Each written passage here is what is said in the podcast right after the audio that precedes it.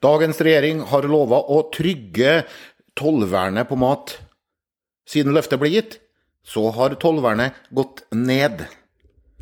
Kommer det økt toll i statsbudsjettet på fredag, tro?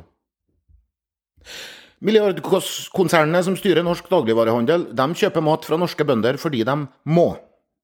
Hvis de kan kjøpe inn kjøttdeig fra Tyskland og melk fra Sverige billigere enn hva Nortura og Tine tar seg betalt, så vil de gjøre det. Det er derfor vi har mattoll.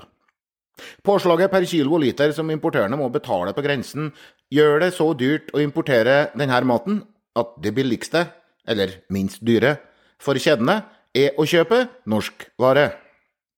Da kan bøndene her i landet gå på enda en sesong med matproduksjon og få betalt 212 000 kroner per årsverk.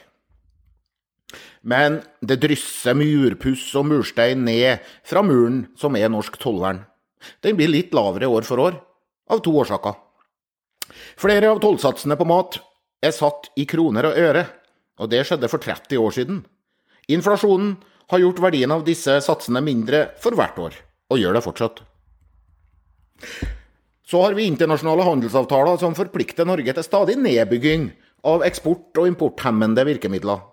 Frihandelskvotene kan bare økes og ikke kuttes, slik det skjedde da Norge og Storbritannia inngikk ny frihandelsavtale i 2021. Men samme år fikk Norge en ny rød-grønn regjering, som sa den ville sikre tollvernet. Løftet er, sammen med opptrapping av selvforsyning og tetting av inntektsgap, de sterkeste jordbrukstiltakene i Hurdalsplattforma. Ingen av dem er realisert. Kanskje kommer det økt toll i statsbudsjettet på fredag. Kanskje ikke. Landbruks- og matminister Geir Pollestad fra Senterpartiet sier her i avisa at et sterkt tollvern er viktig for norsk matproduksjon. Det er ikke mye til uttalelse for et parti som gikk til valg på at et sterkere tollvern er viktig for norsk matproduksjon. I, I, vår fikk SVs Torgeir Knag Fylkesnes øyensynlig med Senterpartiet og Arbeiderpartiet på sterkere tollvern. En overgang fra krone til prosenttoll, i praksis økt toll, på en rekke varer. Men det er ikke gjennomført ennå. Og det er ikke annet enn hva SV fikk løfter om også i fjor.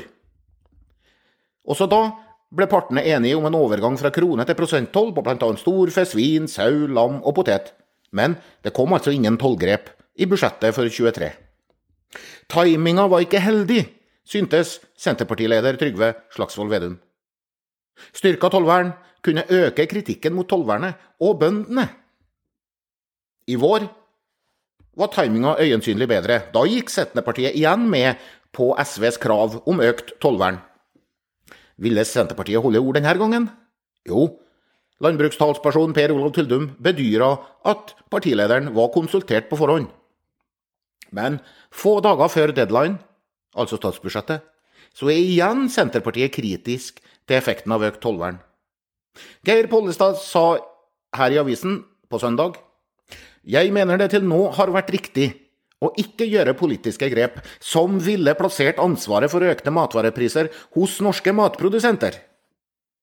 Her framstår Senterpartiet som sladrehank. Det finnes et vell av uheldige konsekvenser av norsk politikk som det er mulig å skylde bøndene for. Dyrere hyttetomter? Ja, det er grådige grunneiere.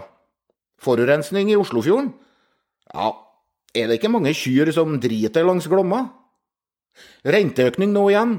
Ja, det er delvis bøndenes skyld. Bøndene har jo fått så mye ekstra penger, sa Høyres Erna Solberg i Stortinget på onsdag. Når det gjelder matpriser og toll, så er sammenhengen klar. Hvis økt tollvern lar bøndene ta ut mer pris i markedet, så må jo matkundene betale. Men det her er ikke bøndenes ansvar. Bøndene skrev ikke regjeringsplattforma. Også på Hurdalssjøen høsten 2021 så måtte Arbeiderpartiet og Senterpartiet forstå at bøndene ville tjene på løftet om økt toll. Senterpartiet skrev inn tolløkning i plattforma likevel. Da kan ikke hensynet til bøndene brukes som forsvar for å bryte løftet i neste omgang. Når Geir Pollestad mener skjerpa tollvern vil gå utover bøndenes omdømme, så øker sjansen for at nettopp det vil skje.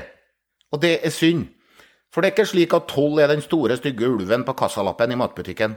Det er mange år siden professor Reidar Almås påpekte at norske forbrukeres gjennomsnittlige tollkostnad er lav, sammenlignet med i verden for øvrig. Det skyldes altså ikke at det ikke er høy toll på noen matvarer, for det er det. Men det skyldes at storparten av matvarene som vi importerer, ikke har toll i det hele tatt. Mange av disse matvarene er også dyrere i Norge enn i Sverige, men det er altså ikke bøndenes eller regjeringas skyld.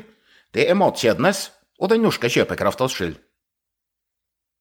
Det har lite for seg for Senterpartiet å være forsiktig med tollgrep nå for å tekkes tollkritikerne på høyresiden. Tollvern og bønder er en torn i øyet på NHH-Høyre, uansett hvor få og lav de er. Ingen andre enn stortingsflertallet har æren den dagen tollvernet eventuelt styrkes. For det trengs både økt toll, økte budsjettmidler og økte matpriser hvis regjeringa vil tette inntektsgapet til bøndene slik den har lovet.